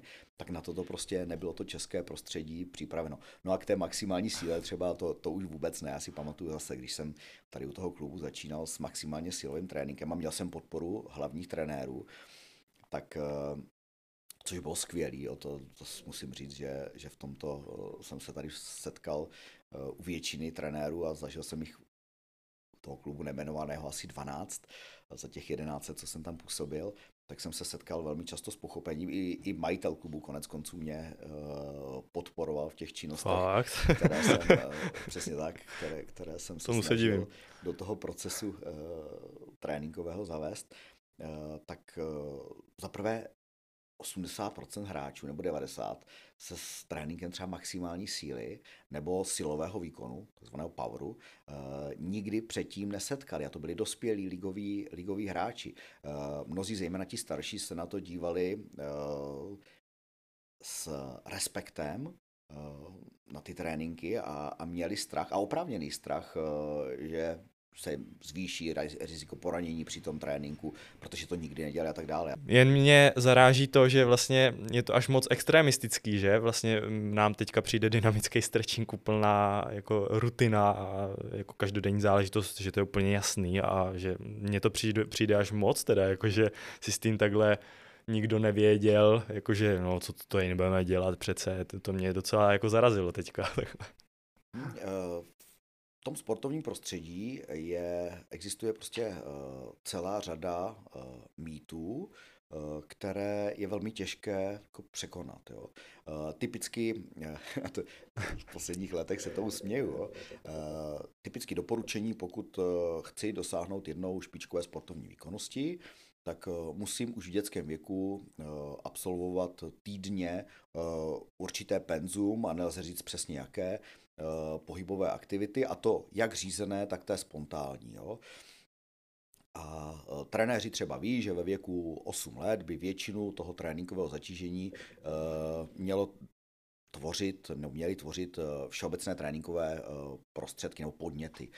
A ty specifické, já nevím, když hraju fotbal, tak specifický podnět je, že prostě jsem s míčem, běhám po hřišti a hraju 3 na 3, 5 na 5, 10 na 10 a, a, a nebo dělám nějaké fotbalové driblinky a tak dále. Prostě věci, které s tím fotbalem souvisí.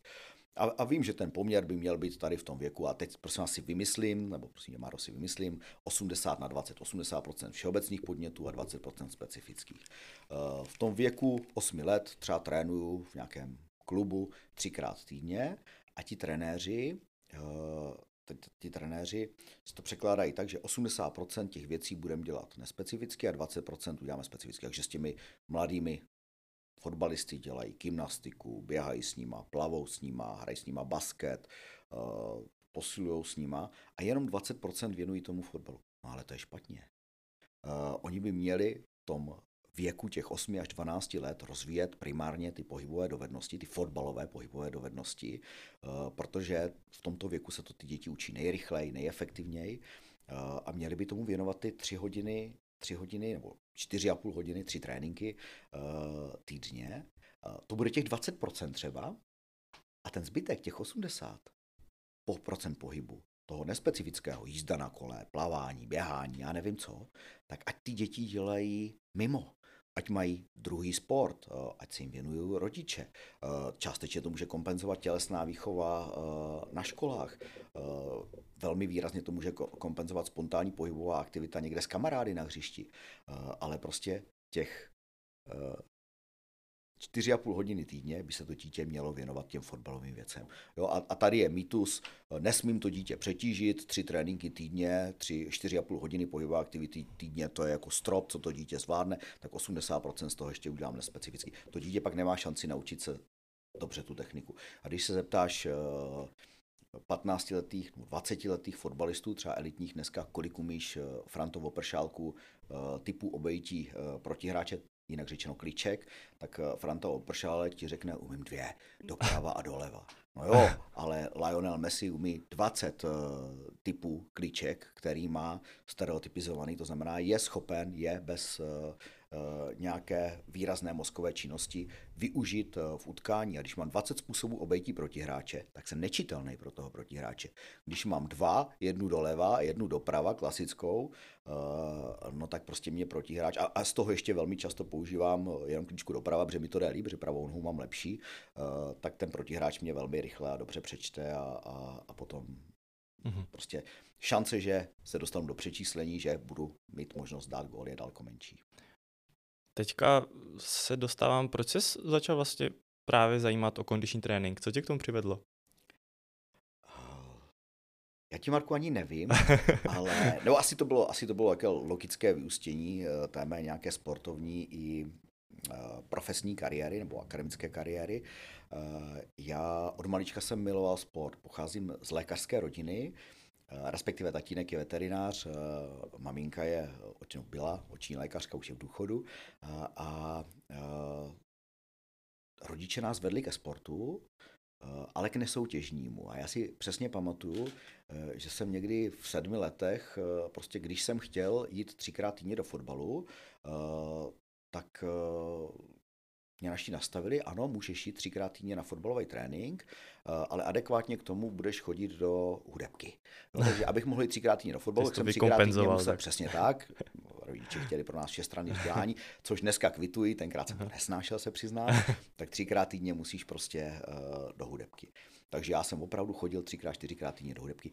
Uh, jsem za to rád, uh, mám nějaké základy teoretické o hudební výchově, uh, ale v podstatě toho moc neumím.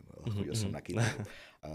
A, ale naši nám věnovali obrovské množství času z hlediska eh, právě toho komplexního rozvoje a chodili s náma po horách, eh, vozili nás na kolech, mamka nás učila bruslit, eh, hrát hokej, taťka nás tlačil do volejbalových věcí a tak dále. Prostě neustále jsme sportovali, ale nechtěli naši, aby jsme sportovali výkonnostně.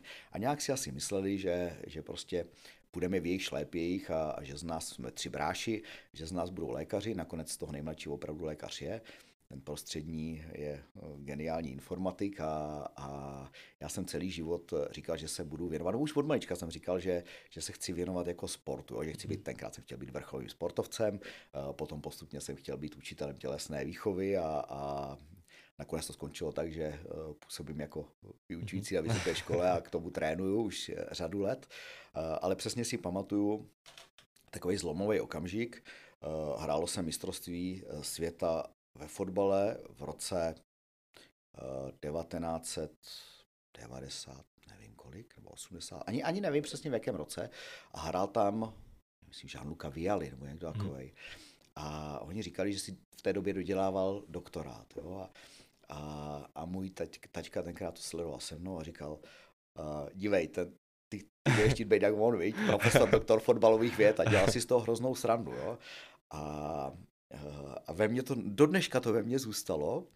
A, a pak, když se rozhodoval, komu půjdu na vejšku, nebo jsem šel na gymnázium po základní škole, tak od prváku na Gimplu jsem našim tvrdil, jako já budu dělat prostě tělák. Já jsem byl teda, se přiznám, ve škole docela flink, mm-hmm. prostě bavil mě obrovským způsobem sport a všechno ostatní bylo na druhé, třetí, třetí koleji. A vlastně první škola, která mě bavila, výjima první třídy, kterou jsem miloval, protože jsem měl skvělou paní učitelku, eh, tak jak to typicky bývá, tak první škola, která mě opravdu motivovala, bavila a ve které jsem řekl, že bych řekl, že jsem i docela vynikal, tak byla vysoká škola protože jsem se tam měl možnost věnovat tomu, co mě, co tě co baví. Mě bavilo. Mm-hmm. Na druhou stranu to všeobecné vzdělání, které mi gymnázium dalo, absolvované gymnázium ve Vysokém mítě, eh, tak bylo výborné, nebo s odstupem času jsem eh, ocenil tu, tu jeho kvalitu. A eh, takovým ještě možná jedna osobnost, která mě velmi výrazně formovala. Měli jsme na gymnáziu učitele tělesné výchovy a zeměpisu pana magistra Popeláře. A to je člověk, který mě velmi výrazně v mé kariéře ovlivnil vlastně on nás, nejen mě, ale, ale prakticky celou třídu naučil milovat sport a nás šlo sedm z ročníků studovat tělák. Jo, což prostě, my jsme nebyli sportovní gymnázium, jsme byli všeobecné gymnázium a do dneška to nechápu. A nebyl to teda jenom ten uh, pan magistr Popelář, ale, ale i celá řada dalších výborných tělocvikářů, uh, kteří nás formovali a, a je, to, je to velmi zvláštní, ale, ale prostě velké množství, velké množství z nás ten tělák dělalo. A my jsme se třeba jako třída přihlásili do, do soutěže, eh, v, a teď nevím, to byla Malá Kopana a potom do futsálu, jo, takže, takže jsme hráli nějaké pralesní ligy, ale, ale prostě kluci ze třídy, protože u nás bylo ve třídě, já nevím, 15-16 kluků, tak jsme se přihlásili do soutěže a byli tam samozřejmě kluci, kteří fotbalově byli průměrní, podprůměrní, nadprůměrní, ale měli jsme výbornou partu a říkám, hráli jsme, hráli jsme uh, takhle prostě oficiální soutěže a bylo to naprosto mhm. skvělé. Mm-hmm. No a, a pak samozřejmě formovala mm-hmm. velmi výrazně vysoká škola. No. Mm-hmm. V Brně Masaryčka. Jo, Miluju jo. dodnes. Eh, teďka, eh, když se dostávám k, k tvému tréninku, tak mě by zajímalo, když k tobě přijde nějaký sportovec a vidíš ho poprvé, co všechno se ti honí hlavou při vašem prvním společném tréninku, jako, jakým způsobem tu danou osobu analyzuješ třeba?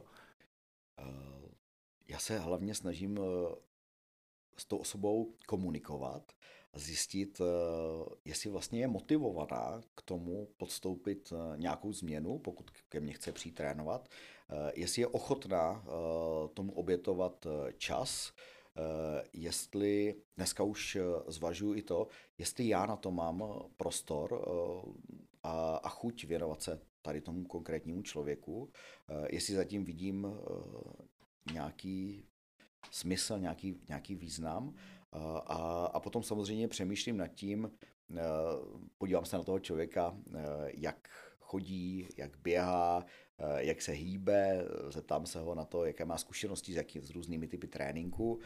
Eh, no a, a, a vyhodnotím si a podívám se velmi rád vždycky na jeho předchozí tréninkové zkušenosti, když má tréninkové eh, plány a, a sumáře, což většina vrcholových sportovců dneska by měla mít. V kolektivních sportech to teda nemají, ale v těch individuálních většinou to mají, tak se podívám, podívám do těch dat.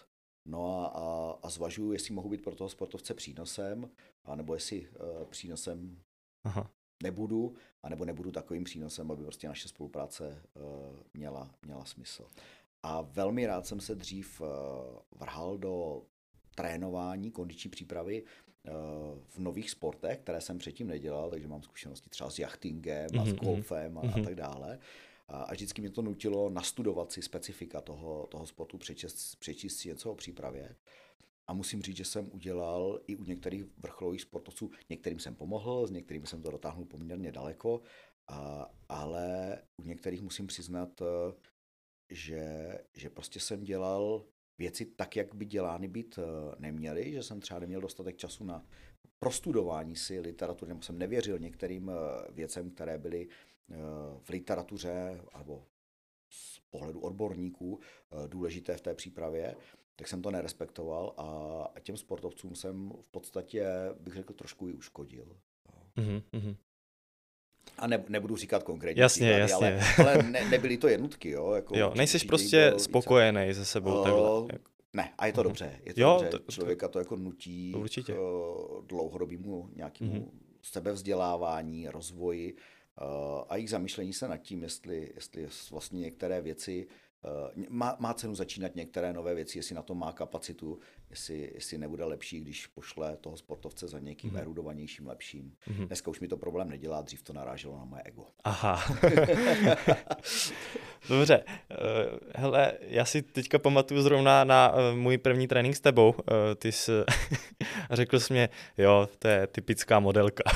nebo něco takového, protože to mě řekl později taťka, jako jo, že jsem totiž běhal tak, že jsem běhal vlastně, jsem překřižoval nohy prostě jako modelka, jako jo, takže to si pamatuju, že já vždycky... to, to asi nepamatuju. ne, ale jako já si to pamatuju takhle a vlastně vždycky si pamatuju, eh, zvedej ty kolena, Maro, zvedej ty kolena, a to stejný i u Davida Neruda, jako, že, jako kdybych slyšel tebe. Tak eh, vlastně, jak podle tebe by měl, my už jsme se o tom jako nějak bavili vlastně, ale ten běh samotný u těch fotbalistů, myslíš si, že se to teďka jako zlepšuje pořád, nebo je to furt to stejný, jako ten, ten styl běhu a ten běh samotný. Jak by měl, takhle, jak by měl správně vypadat jakoby běh? My už jsme to tak nějak jako načali ze začátku. Maro, to je strašně složité. jo, dobrý, měl dobrý. Být, měl by být prostě mechanicky, mechanicky eh, efektivní a zdravotně nezávadný. To jo, jsou jako dvě základní kritéria. A, a myslím si, že se to zlepšuje v těch mládežnických kategoriích, u těch mladších uh, děcek, který zažili uh, slušné kondiční trenéry nebo s nimi spolupracují, uh, dobří kondiční trenéři, anebo fotbaloví trenéři už jsou edukovaní v tom, jak ten správný běh naučit. A není to jenom o, o běžném běhu, ale u těch fotbalistů to je třeba o správném startu, správném vystartování na míč, o správném postavení chodidel, o správném postavení trupu při, při startu, o správné délce kroku a tak dále. A, a říkám, není to, to to je na několik hodin. Mm, jasně, jasně, v, pohodě. Já jenom eh, teďka vlastně ještě, jako vlastně, když jsi pracoval jako kondiční trenér u fotbalistů takhle, jak vychází se všema fotbalistama takhle celkově? já, já si myslím, že jsem eh, nekonfliktní člověk eh, a i, i ty negativní věci se snažím řešit, anebo, anebo některé vztahy, které třeba nejsou úplně, úplně dobré, tak se snažím řešit tak, aby prostě ten konflikt se neeskaloval, nebo, nebo no prostě ta nejednotnost názorová se neeskalovala a naopak, aby ten fotbalista se třeba progresivně rozvíjel, ale samozřejmě, že jsem měl, tak jako to má si každý trenér, prostě hráče třeba oblíbenější a hráče méně oblíbené. Já tak jak většina kondičních trenérů jsem měl rád eh, pracovité hráče a eh, hráče, kteří prostě byli ochotní naslouchat a, a kteří byli ochotní se třeba i vzdělávat. Eh, to, to pro mě bylo hrozně důležitý a velmi rád spolupracuji se sportovci, kteří, kteří prostě nejen slepě poslouchají trenéra, ale sami hledají prostě možnosti, jak se zlepšovat a chodí za tím trenérem. Trenére, co myslíš, nebylo by ještě dobré a teď něco. Jo? Mm-hmm. Tak, tak takovéto typy hráčů, hráčů mám rád a, a nikdy jsem moc nemusel uh, takové ty skupinky uh, pařmenů, uh, kteří po každém tréninku nebo po, po některých trénincích uh, si zašli na dvě, tři, šest uh, piv a, a, a prostě eh, nedávali tomu sportu tolik, kolik měli. Chápu, když člověk, který se sportem neživí, tak si zajde na 3, 4, 5 piv po, po tréninku, ale prostě pokud jsem, a teď můžeme se bavit o pivev, ale můžeme se bavit i o ponocování a o dalších věcech, ale v okamžiku, když jsem vrcholový sportovec, živí mě to a je někdo, kdo prostě do mě investuje prostředky, tak je přeci mojí odpovědností, aby ty prostředky byly dobře využity. A prostě pokud se chovám neprofesionálně, tak tak je něco špatně. No to si myslím právě, že k tomu narážím, jak jsme se minule bavili ten, před pár minutama, že vlastně to je ten rozdíl mezi těma týmovými sportama a individuálníma. Já si myslím totiž, nebo vím teda, že co týká individuálních sportů, že tam máte určitou jakoby zodpovědnost za sebe. Prostě, že si nemůžete dovolit, prostě tam v těch týmových sportech se můžete za někoho schovat, jo. Ale v těch individuálních to, to je jenom na vás, jako v podstatě všechno. Mm-hmm. Ale zase ta situace se zlepšuje a mění, protože uh, dneska uh, ty chytré monitorovací systémy umožňují trenérům bezprostředně při tréninku nebo po tréninkové jednotce vyhodnotit, jestli ten sportovec odmakal to, co měl, a, a nebo neodmakal a, a druhý den vidím, jestli prostě je zregenerovaný zase na těch chytrých přístrojích nebo při nějaké uh, jednoduché diagnostice, tak vidím, jestli je uh, dobře připravený a, a zregenerovaný na další tréninkovou jednotku a, a nebo prostě někde něco podcenil, nebo třeba na něj jde jenom nemoc. Jo? Takže, takže dneska, dneska máme způsoby, jak toto ošetřit, ale prav, pravdu máš v tom, že, že prostě v těch kolektivních sportech je lehčí, jednodušší uh, se schovat uh, za ten tým. Uh, a, ta nižší výkonnostní úroveň uh, prostě nemusí uh, ten výsledek tak výrazně ovlivnit, jak když prostě nebudu dobře připravený na uh, běh na 1500 metrů. No, hmm. Tam prostě vidím na závěr ten čas, Eh, zaběhl jsem 3,45, ale já jsem potřeboval běžet 3,35, abych měl medaily, no tak něco v tom tréninku asi bylo, mm-hmm.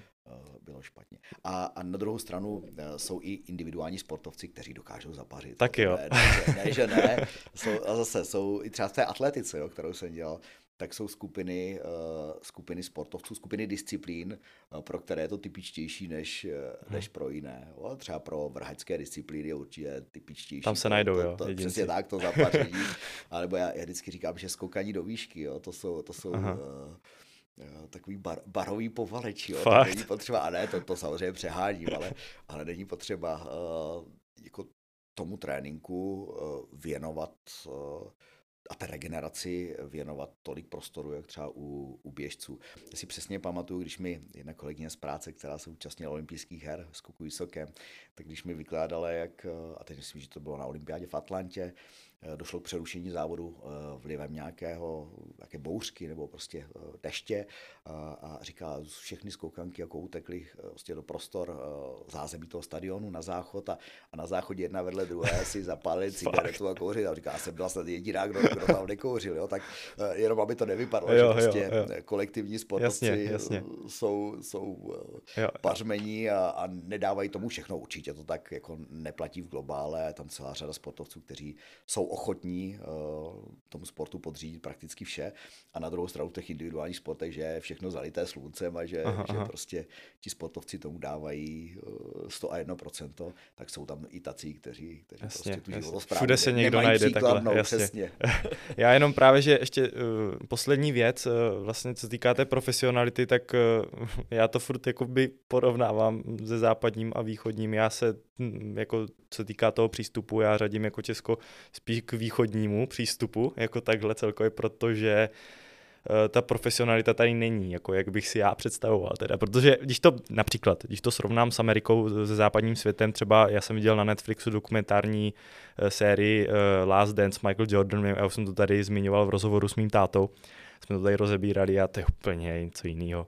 To je něco jiného, to tady nemůžeš vůbec srovnávat, jo, tady tyhle, ten Michael Jordan a spol a ty hráči z NBA, oni mají, jak jsem, já už jsem to zmiňoval v tom rozhovoru, ale oni mají vždycky, Michael Jordan měl smlouvu na jeden rok, což ho muselo to motivovat, aby, aby dokazoval pořád, že je ten nejlepší. Tady máme smlouvy na čtyři roky, a nevím na kolik let a vlastně v podstatě jsem za vodou, že? Jo, a když se zraním, tak eh, samozřejmě, že trošku dojde k redukci toho, té finanční odměny, ale přece jenom tam nějaká záruka toho, že dostanu ty peníze nebo tu odměnu je pořád. Ale na západním světě si to tak nemyslím, že to tak úplně chodí zvlášť, teda když jsem zhlídnul tu dokumentární sérii. Jako je. Co si o tom myslíš tady o tady tomhle jako takhle přístupu celkově v Česku? Uh, já si, já si myslím, že tady máme sportovní, že máme dobrou, dobrou tradici ve sportování, eh, ať už eh, v tom sportování rekreačním, eh, laickém bych, bych řekl, nebo pohybování se, tak i, i ve vrcholovém sportu. A myslím si, že když přepočítáme naše úspěchy na velikost České republiky, teď myslím na množství obyvatel, tak jsme velmi úspěšným státem. Otázka je, za jakou cenu a, a, a proč. A průšvih je, že tady máme prostě sportovní odvětví, do kterých se leje docela velké množství prostředků a ty úspěchy úplně nepřichází v těchto sportech. Jo? A teď se bavím třeba o hokeji. Jo? Je to náš národní sport, ale, ale na světě to není sport číslo jedna. Jako hmm, přesně tak, no. Ani to není sport číslo dvě, ani sport číslo 10, ani sport číslo 50. jo. Mm-hmm. Hokej bude někde no, jasně. kolem 60. místa eh, z hlediska členské, a možná ještě dále, mm-hmm. z hlediska velikosti členské základny toho sportovního odvětví a, a množství klubů a já nevím čeho. Jo. A, a dává se tady do něj obrovské množství prostředků. Eh, a pak vidíme, že, pak vidíme, že prostě naši hráči, eh, když přijde ke konfrontaci s finským hokejem, švédským hokejem, nedej bože kanadským hokejem nebo ruským hokejem, tak zaostávají. Ano, Kanada eh, prostě má tu tradici větší, má ten sport také na prvním místě, je tam více lidí, Rusko je obrovské, to zázemí je tam fantastické, ale jak je možné, že Švédi nebo Finové jsou v tomto sportu lepší a není to třeba u sport číslo jedna. Jo? Oni tam mají celou řadu dalších sportů, které, které dělají na top úrovni, většinou to jsou teda zimní sporty. A, a pak i z komentářů třeba těch hráčů, kteří uh, přichází z Finska nebo Švédska, uh, tak, tak člověk jako vidí, že, že ten sport je tam dělán jako od dětských kategorií daleko systematičtěji a, a profesionálněji než u nás. A zase naráží to na to, že to prostředí uh, typicky těch sportovních her si žije ve své bublině a není u nás uh, ochota některé věci uh, měnit. A třeba spolupráce svazů s odborníky z vysokých škol není na takové úrovni, na jaké by mohla být. A je to obrovská škoda. Jo? Oni nám říkají, a teď myslím praktici, trenéři, reprezentační trenéři, že jsme prostě teoretiky a že, že jsme nikdy sport nedělali a, a my zase vidíme ty chyby, které dělají a, a, a máme tendence je zbytečně stráždivě, agresivně někdy poučovat a, a chybí tam jakási symbioza tady těch dvou prostředí, která by to ten český sport, zejména ten kolektivní, dokázala kultivovat a, a která by ho dokázala dostat na, na úroveň, kam by, kde by mohl být. Ale říkám, tady třeba jenom vzdělávání trenérů je řešeno na mnoha úrovních. Dřív bylo, kdysi dávno, bylo pouze pod vysokými školami a dneska, dneska si vzdělávání trenérů řeší svazy a olympijské výbor a já nevím kdo všechno. A, a vysoké školy jsou přibírané jenom eh, v okamžiku, kdy u některých svazů, kdy eh, ten sportovec se chce vzdělat eh, na úrovni trenérské jedničky, to znamená nejvyššího vzdělání, a kde je prostě povinnost absolvovat všeobecný základ eh, sportovního tréninku někde na, eh, na vysoké škole. A to je samozřejmě špatně, jo, protože ta vysoká škola ty moderní poznatky má. Pokud bude přednášet fotbalistům, fotbalista, který pět let dělá fotbal, ale, ale nemá nejnovější poznatky, nemá teoretické základy, no tak kam to může zpět. Jo. Mm-hmm. Honzo, já ti děkuji moc, že jsi přijal pozvání do tohohle podcastu a přeju ti, ať se daří. Marku, já ti taky děkuji a, a doufám, že jsem neodevřel nějakou pandořinu skřínku. Díky moc, ahoj. Díky, ahoj, ahoj.